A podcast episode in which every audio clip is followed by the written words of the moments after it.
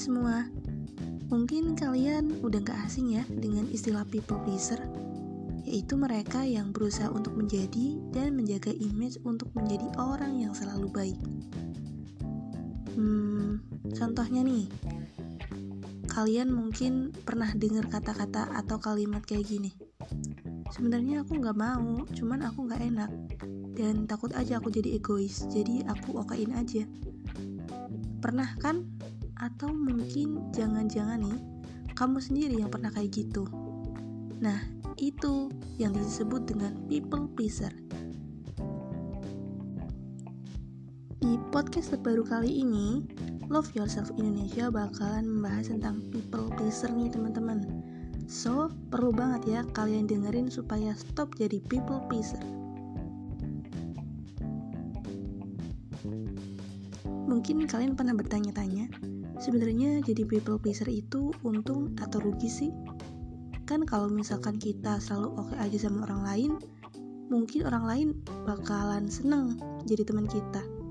Tapi teman-teman, di sisi lain, jadi people pleaser itu bisa menyebabkan orang lain mengambil keuntungan dan memanipulasi kita.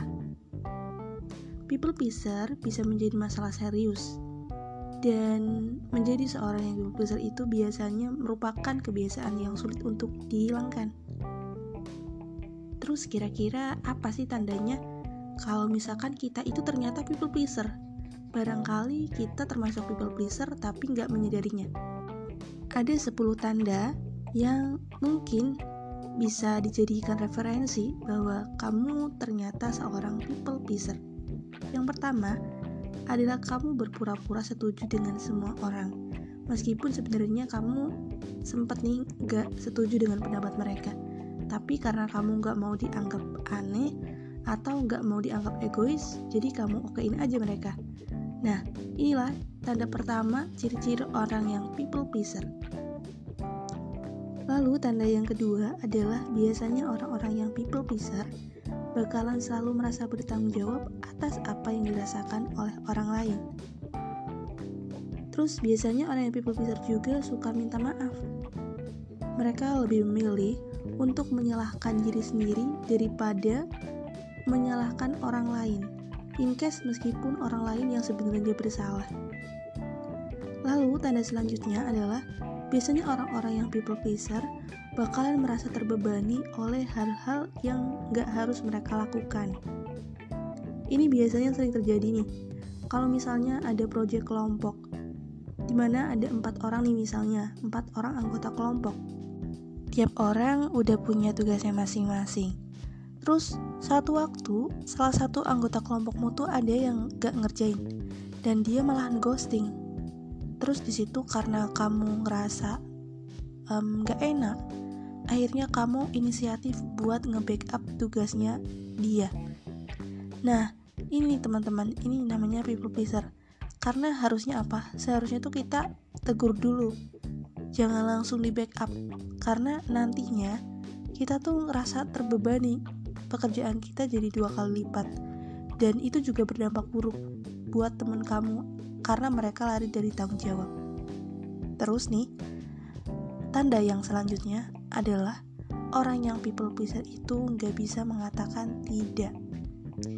Dia bakalan terus selalu iya atau oke. Okay. Karena ya tadi gak mau dianggap aneh ataupun gak mau dibilang egois. Kemudian biasanya orang-orang yang people pleaser itu bakalan gak nyaman kalau misalnya ada orang yang marah ke mereka karena apa? Karena orang-orang yang people pleaser ini biasanya mereka tuh pengen banget dianggap bagian dari kelompok. Jadi takut kalau misalnya ada kontroversi dengan orang lain. Lalu yang terakhir, biasanya orang-orang yang people pleaser ini bertindak seperti ini, seakan-akan orang-orang di sekitar itu memperhatikan mereka. Jadi mereka selalu was-was. Mereka selalu waspada karena takutnya barangkali ada orang yang gak suka ataupun gak kayak apa ya nggak menerima gitu nggak menerima mereka.